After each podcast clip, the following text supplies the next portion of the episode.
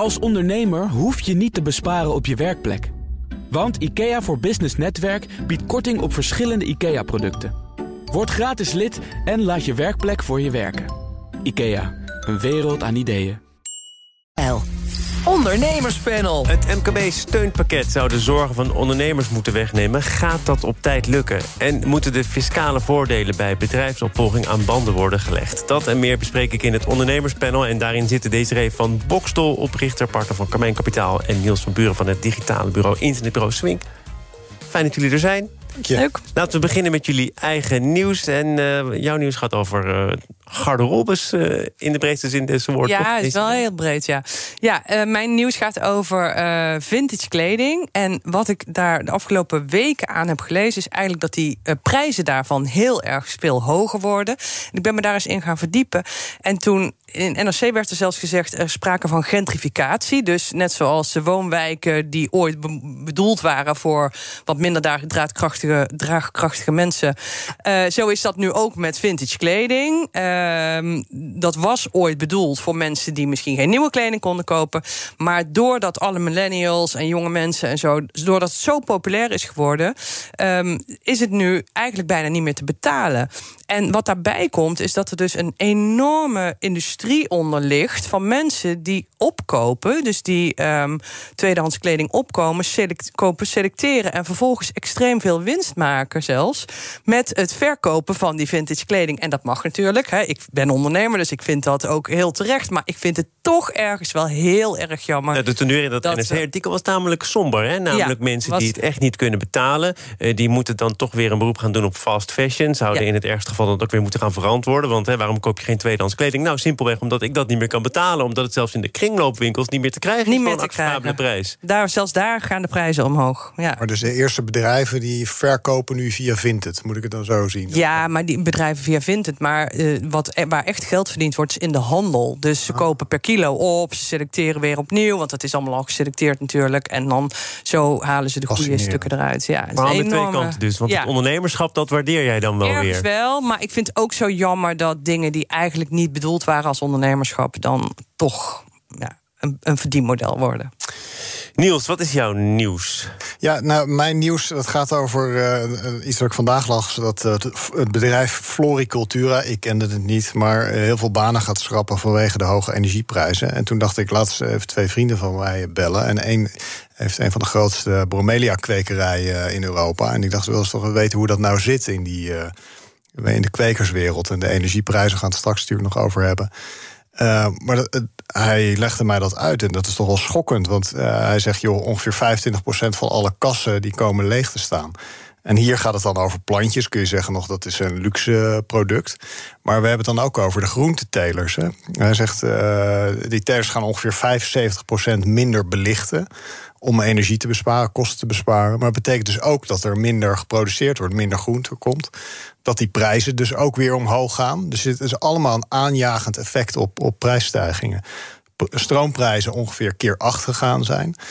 En uh, wat ik ook nog wel zorgwekkend vond, is zegt je krijgt een, heel veel kwekers zijn bezig om te verduurzamen. Uh, zijn dus overgestapt of in plaats van warmtekrachtcentrales, dat je van gas dat je naar elektra gaat en dus met warmtepompen werkt. Alleen omdat die stroomprijs nu zo hoog is, worden zij dubbel afgerekend. Eigenlijk zijn ze eigenlijk de klos.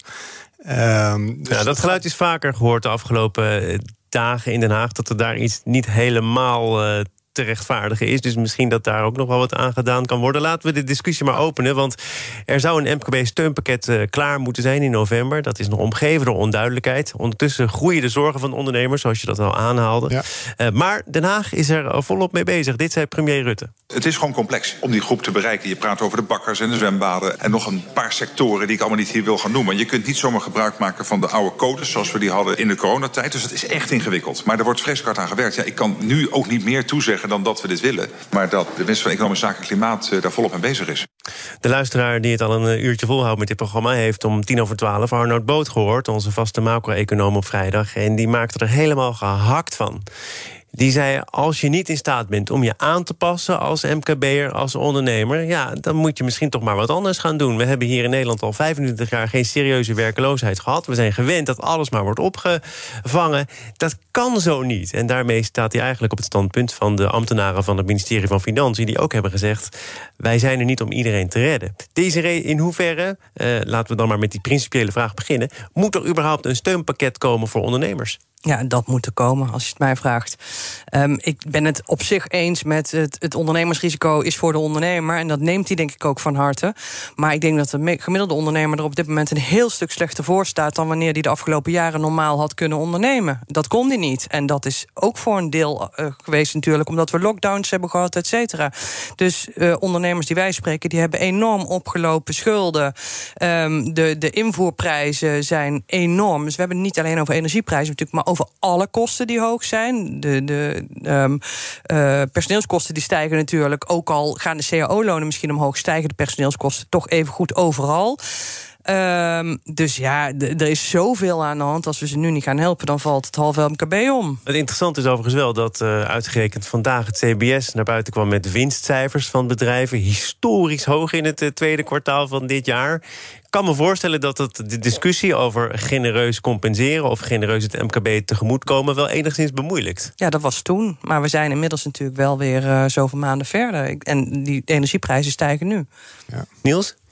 Ja, helemaal eens. Ik moet zelf eerlijk zeggen, dat ik, toen jij het zo vroeg, toen dacht ik, ik heb hier volgens mij een paar maanden geleden ook gezegd, ja, je kan niet alles door de overheid laten betalen. Maar weet je, als je dit soort getallen hoort, en ik sprak vandaag dus ook een andere vriend van mij, die is een middelgrote bakker, en die zegt, joh, gasprijzen die uh, voor overigens, die op gas werken, daar zijn ze niet allemaal, maar zijn soms uh, keer zeven gegaan. Ja, en dan hangt het dus af of jij je contract vast hebt staan of niet. En hij had dan centraal ingekocht en dan staat het voor een aantal jaar vast. En dus bij hem verdubbelt het slechts. Bij een ander is het verzevenvoudigd. Volgens mij heeft het helemaal niks met ondernemen te maken. Niks, dat is gewoon, heb je geluk of niet? En de andere vriend waar ik net over had, had ik het ook gevraagd. Die zei, joh, ik sta nog tot 2023 vast. Dus voor mij gaat het hartstikke goed. En wanneer heeft het dan wel met ondernemen te maken? Want corona heeft niks met ondernemen je, te maken. Is, want we konden toch niet de handel drijven zoals we dat gewend ja. waren. We moesten dicht. Nu is er een oorlog in Oekraïne met alle gevolgen van dien. Heeft ook niks met ondernemen te maken. Waar trek jij dan de grens? Op het moment dat, het, uh, dat je ergens zelf een bewuste keuze ook maakt en zegt van ik ga hier het risico nemen, ik kan het risico, ik weet wat de risico's zijn, maar dit, uh, weet je, dit speelt zo buiten je eigen invloedssfeer. En, daarom noemde ik net dat verduurzamingspunt, uh, je werkt ook nog allerlei andere dingen tegen. Dus uh, juist door hier steun aan te, te leveren, uh, zorg je dat je niet allerlei bijkomende effecten gaat krijgen. En voorkom je dat dus ook nog eens een keer consumentenprijzen omhoog gaan van het brood bijvoorbeeld. Weet je, hoe ver kan de prijs van het brood omhoog? Hoe ver kan de Misschien prijs... is er brood genoeg. Kijk, ik, ik probeer hier natuurlijk een beetje advocaat van de duivel te spelen. Nee, maar de ambtenaren van dat ministerie die schrijven letterlijk: ja, probeer je prijs maar te verhogen. Ja, Kijk hoe ver je kunt gaan. Ja, ik maak leest, hem even ja, af. ja, en mocht het je niet lukken, dan ga je failliet. En dan is Ja. dat ook niet meteen maatschappij ontwrichtend. Ja, nee, dan denk ik, dan kijk je veel te kortzichtig. Dan kijk je dus niet wat het domino-effect is van, van dit soort eh, eh, gevolgen. Ja. Ja. Want wat, wat, wat is het effect? Hebben ze dat er dan bij uitgerekend? Wat het effect is als we dit inderdaad laten gebeuren. En bedrijven gaan hun prijzen verhogen. Nou, dat betekent natuurlijk dat ze gewoon minder gaan verkopen. Dus gaat er inderdaad een faillissementsgolf komen. Wat is daarvan het effect op de economie op lange termijn? Hebben ze dat dan ook? niet bekeken, dat, toch? dat, nou, niet dat ik weet in ieder Nee. geval, want er is nog te weinig bekeken. Dat hele pakket is nog niet klaar. Hij zegt ook wel iets over de prioriteiten die er de afgelopen maanden blijkbaar waren. Eh, Maar de faillissementsgolf, ja, daar wordt natuurlijk al heel lang over gesproken. Want dat zou ook komen als gevolg van de coronacrisis. En zeker als de steunmaatregelen zouden zijn afgelopen. Nou, die zijn inmiddels afgelopen. Er is nog altijd geen faillissementsgolf waar te nemen. Nee, dat hoeft ook nog niet afgelost te worden. De belastingsschulden Is nu weer uitgesteld. nu weer- ja. maar maar er, is, er is gewoon geen faillissementsgolf. Nee. Maar we, we- we- we willen toch juist in deze markt een eh, gelijk speelveld creëren. En een gelijk speelveld dat betekent dat iedereen gelijke kansen en gelijke risico's heeft. Eh, en dat is hier niet het geval, omdat de een dus de mazzel heeft dat zijn contract tot zover eh, tot 2023 vaststaat, de ander niet. Corona, weet je, daar weet je, had één voordeel bij, de ander niet. En daar zijn toen heel gericht maatregelen genomen. Ze zijn heel eh, succesvol volgens mij geweest om ook de economie draaiende te houden. Waarom lukt het ons nou niet om dan ook hier weer heel gericht te werk te gaan en dan elke keer komt weer dat uh, verhaal van ja, de uitvoeringsinstanties. Maar dan moeten we daar iets aan doen. En dan moeten we dat niet over de rug van. Maar het verhaal is ook: het MKB bestaat niet. En daarom kun je wel een energieprijsplafond voor huishoudens instellen. Overigens schijnt dat ook weer eh, te variëren. Ja, maar, kan dat veel moeilijker voor het MKB? bestaat ook niet. Nee, en in corona bestond het wel. Hè. De nauwregeling die werd gewoon op elk bedrijf toegepast. Dus toen konden we wel alles over één kam scheren. Maar zeg jij, Niels, uh, nou, als het probleem bij die uitvoeringsorganisaties ligt, dan moet je daar maar iets proberen aan te pakken. Stel, uh, we geven weer een centrale rol aan het UWV. Ja. Je krijgt iemand aan de lijn en die bepaalt aan de hand van jouw verhaal of iets gericht of ongericht is. In mijn, kijk, ik snap dat je daar. Uh, ik ben niet zo idealistisch dat ik denk van, oh, dat heb je morgen dan opgelost. Maar in mijn beeld ligt het probleem is dat er ook de beslissingsbevoegdheid bij dat soort organisaties niet laag genoeg ligt. Omdat we dus proberen op zo'n heel hoog en abstractieniveau centraal dingen generiek te regelen, omdat het anders niet uitvoerbaar is. Terwijl als je zegt, ik leg die beslissingsbevoegdheid lager bij een ambtenaar die praat met die ondernemer en die ziet, oké, weet je, hier, dit is het probleem, daar neem ik dus deze maatregel, kun je veel selectiever zijn. En dan hoeft zo'n en dat is dan bijkomend effect, hoeft zo'n instantie ook niet zo heel groot te zijn. We gaan naar een andere uitvoeringsproblematiek rondom bedrijfsopvolging. BNR Nieuwsradio. Zaken doen. Thomas van Zeil. Ik zie aan jullie gezichten dat jullie hebben verheugd en ook hopelijk hebben verdiept in de borg. Want uh, daar gaat het over. De belastingvoordelen bij bedrijfsopvolging. Die staan ter discussie al een tijdje. Politiek is ook uh, opgenomen in het regeerakkoord. En uit een enquête van de Radboud Universiteit en het netwerk notarissen blijkt dat meer dan de helft van de notarissen en adviseurs vindt dat die belastingvoordelen wel wat kunnen worden ingeperkt. Ik praat erover met Desiree van Bokstel en Niels van Buren. Um, moet dat inderdaad maar eens worden beperkt, Desiree? Uh, nou, deels vind ik niet, want ik vind eigenlijk per definitie erfbelasting en schenkbelasting uh, onterecht. Maar goed, uh, als we dan toch hebben besloten dat we daarmee werken. En waarom is dat per definitie uh, principieel onjuist? Omdat daar al lang belasting over betaald is, natuurlijk. Hè, door Jan en Alleman jarenlang vermogensbelasting over. Nou, er is ook wel zo dat ik, ik doe even een taaie stukje van dit panel. -huh. De BOR, 1,1 miljoen aan vermogen is vrijgesteld van schenk- en erfbelasting. Daarboven is 83% van het vermogen vrijgesteld van de belasting. Er is uitstel mogelijk van de die verschuldigd is over de toegenomen ondernemingswaarde. Uh, die belastingclaim die schuift dan door naar de opvolgers. En aan het gebruik van die regeling zijn ook nog eens voorwaarden verbonden, zoals dat je het bedrijf wel minstens vijf jaar moet uh, voortzetten. Ja. Maar, eh, dus, dus er is al een heel groot gedeelte van dat bedrag waar je geen belasting ja, Gelukkig en terecht, want we hebben het hier over. Waar die, waar die BOR voor bedoeld is, zijn familiebedrijven die echt van vader op zoon of van moeder op dochter of andersom overgaan. En um, dat is bedoeld om een bedrijf niet leeg te hoeven trekken, om niet belasting te hoeven betalen. En terecht, uiteraard. Uh, waar die vaak voor gebruikt wordt, is natuurlijk mensen die een hele leuke eh, portefeuille hebben verzameld aan beleggingen in vastgoed of wat dan ook. Die dat aan hun kinderen willen nalaten. En die dan zeggen: nee, we zijn een familiebedrijf. En ik kan daar niet zomaar uit gaan putten. En daar, daar is wel kritiek op natuurlijk. En terecht, denk ik. Dat zijn dat nou familiebedrijven die je, die je kapot trekt als je daar belasting zou moeten betalen? Dus het gaat over het oneigenlijke gebruik, ja. waarvan jij zegt dat moet je dan maar aan band leggen. Ja, dat zien wij ook wel dat dat gebeurt. Ja, heb je zelf uh, overigens al, al, nagedacht over uh, eventuele opvolging? Ja, maar zo, zo oud zie ik het toen niet uit. Ik ben 43, maar goed. Ja, maar je moet nu de plannen maken. Hè? Nee, dat is waar, Thomas. Maar, maar niet gedaan. Ja, nee, maar kijk, ik denk dat zo'n regeling, uh, weet je, aan zich natuurlijk heel goed is. Want ik denk dat, weet je, Nederland barst van de familie bedrijven. En daar moeten we heel trots op zijn. En die moeten ook uh, hier blijven. Die moet je ook faciliteren, zodat je van generatie op generatie dat aantrekkelijk maakt om dat door te zetten. Hè? Want het zorgt voor veel werkgelegenheid. Nou, dat, volgens mij kennen we dat verhaal allemaal wel. Maar dat je kijkt naar versobering uh, van zo'n regeling tegen dit soort oneigenlijk gebruik, dat snap ik. Want het schijnt, het schijnt binnen één en dezelfde generatie uh, vaak meerdere keren voor te komen dat er een beroep gedaan wordt op de borg. Ja, dat snapte ik niet hoe dat ik werkte. Niet. Maar, ik heb uh, het echt geprobeerd uit te zoeken. Wat ik reken ook bedoelen. op jullie. Ja, ja, maar dat is niet te vinden. Ja, misschien moeten we de man van PwC nog een keer vragen. Zou dat dan betekenen dat die gebruikt wordt voor meerdere kinderen in een generatie? Dus ja. vader ik vind, ik vind een goede gedachte. Ja. Zou, zou kunnen. maar wat, wat, zou, wat zou dit nu eh, overigens betekenen? Als we het specifiek over familiebedrijven hebben... en die, die boor zou worden versoberd... Uh, denken die familiebedrijven dan... nou, dan, dan hoeft het niet binnen de familie te, te, te, blijven... dan komt dat bedrijf in externe handen terecht? Of denk je dat er net voor die versobering... nog een enorme hoos uh, zal plaatsvinden van gebruik aan die boor? Dat zou natuurlijk wel kunnen, dat laatste. Ik denk niet dat het strategisch heel veel uit gaat maken.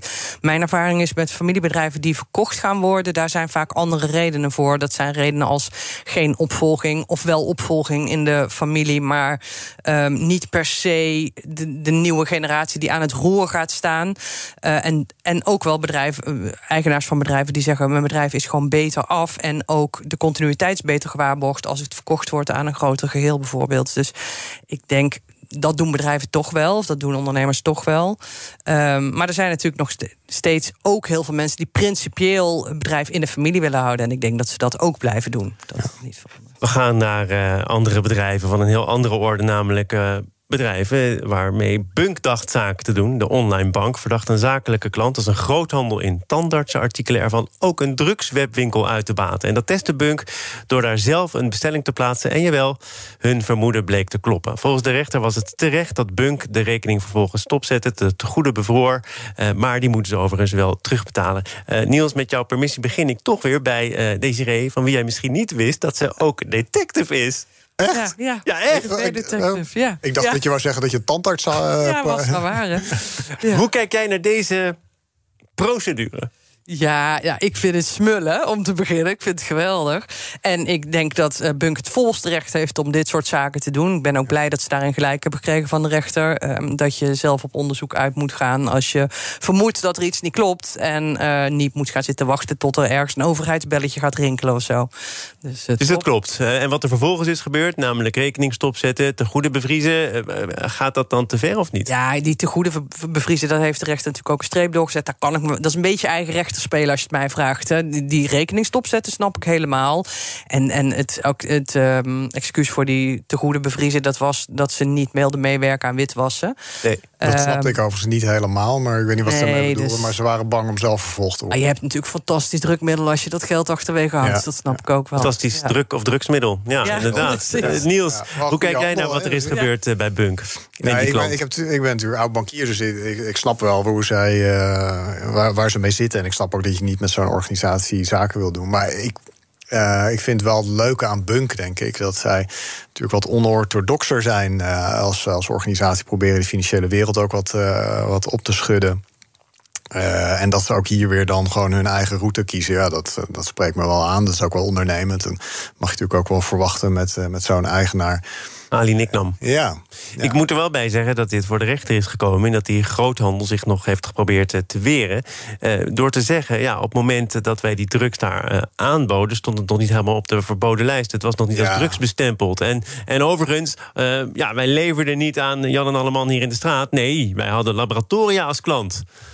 Ja, volgens nou ja, mij was dat, dat gewoon dat, een uh, slimme advocaat die, zag, die zei van... Hey, volgens mij is dit een goede route om uh, nog even wat verweer uh, En dat is ook voeren. moreel verval. Vind ja. ik, dit vind ik moreel verval. Dat, ja. ja het mocht nog. Ja. Weet je, je had moeten weten dat het niet kan, toch? We weten nee, maar als het, als het nog kan. mocht, dan kan dat juridisch natuurlijk ja. stand houden, of niet? Ja. maar dan, dan ben je toch niet heel ethisch als ondernemer, zou ik nou, Ik geloof dat het grootste probleem van de rechter ook was... dat Bunk hier voor het lapje is gehouden. Want die dachten, wij doen zaken met een groothandel in tandartsartikelen. En plotseling blijkt daar ook een drugswebwinkel aan te hangen. En dat is misschien toch wel het primaire. Ja, en je moet ook niet vergeten dat die banken natuurlijk allemaal enorm onder druk staan. En dat wij allemaal uh, natuurlijk al over de banken heen vallen. op het moment dat zij zaken doen met iets wat maar uh, verkeerd is. Hè. Dus. Uh, Waarvan Bunk overigens zegt, als je dat echt wil aanpakken... dan moet het op een andere manier. Ook daarover ja. zijn rechtszaken ja. gevoerd. Ja, uh, want de methodes die DNB nu hanteert, die zijn ouderwets. En ja. bieden Bunk eigenlijk niet de manier om het in hun ogen efficiënter aan te pakken. Ja, nou, ook daar weer denk ik van heerlijk dat zij uh, daar het voortouw innemen... en uh, aan de anderen laten zien hoe het ook zou kunnen. En dat ze dus ook niet schuwen... Uh, ik ken de inhoud daar uh, niet van, maar niet schuwen om andere methodes aan te voeren. En dan ook proberen de boel een beetje op te schudden. Dat Denk jij dat, dat de andere banken denken, nou laat Bunk de kastanjes maar uit het vuur halen? Dan kunnen wij uiteindelijk misschien ook wel profiteren van hoe de rechter daarover oordeelt? Ja, zou me niet verbazen. Veel van die andere banken zijn natuurlijk gewoon onderdeel van dat ouderwetse traditionele ja. bankensysteem. Dus die hebben er niet zo heel veel baat bij, denk ik. Die kunnen ook niet anders, denk ik, dan doen wat DNB vraagt. Want verder zijn ze zelf ja. nog niet. Dus ehm, ja, en ik vraag me zelfs af of sommige banken niet eigenlijk wel blij zijn als het allemaal gewoon blijft bij het vinkje-set systeem dat we nu hebben. Waarom zouden ze daar blij mee zijn? Want je kunt het aan alle bankiers vragen. Ze vinden allemaal dat het niet efficiënt is, dat het heel veel tijd kost, heel veel geld kost, heel veel mensen kost. Ja, maar toch blijft het denk ik nog te doen. En du moment dat ze er systemen voor moeten ontwikkelen, wordt het echt heel erg moeilijk. Of dat moeten ze natuurlijk al wel, maar du moment dat het echt anders moet, of met AI moet, wat Bunk bijvoorbeeld wil nou, dan moet ik nog zien dat de banken dat kunnen. Ja, ja. Ik uh, dank jullie voor dit panel. Desiree van Bokstol uh, van Carmijn Kapitaal en Detective. Ja, helaas in rusten, denk ik. Hè? Ja, er gebeurt weinig mee, maar toch goed dat je eventjes je licht over deze zaak meer van weten. Ja. En Niels van Buren van Swink, ook dank voor jouw komst. Yes, ja, Zometeen wordt er uh, gepitcht in dit programma. En dan gaat het over een gloednieuwe manier om kleding te passen tijdens het online shoppen. Een kleine update maakt een wereld van verschil. Daarom biedt IKEA voor Business Netwerk gratis snelle interieurtips en ideeën. Word gratis lid en laat je werkplek voor je werken. IKEA, een wereld aan ideeën.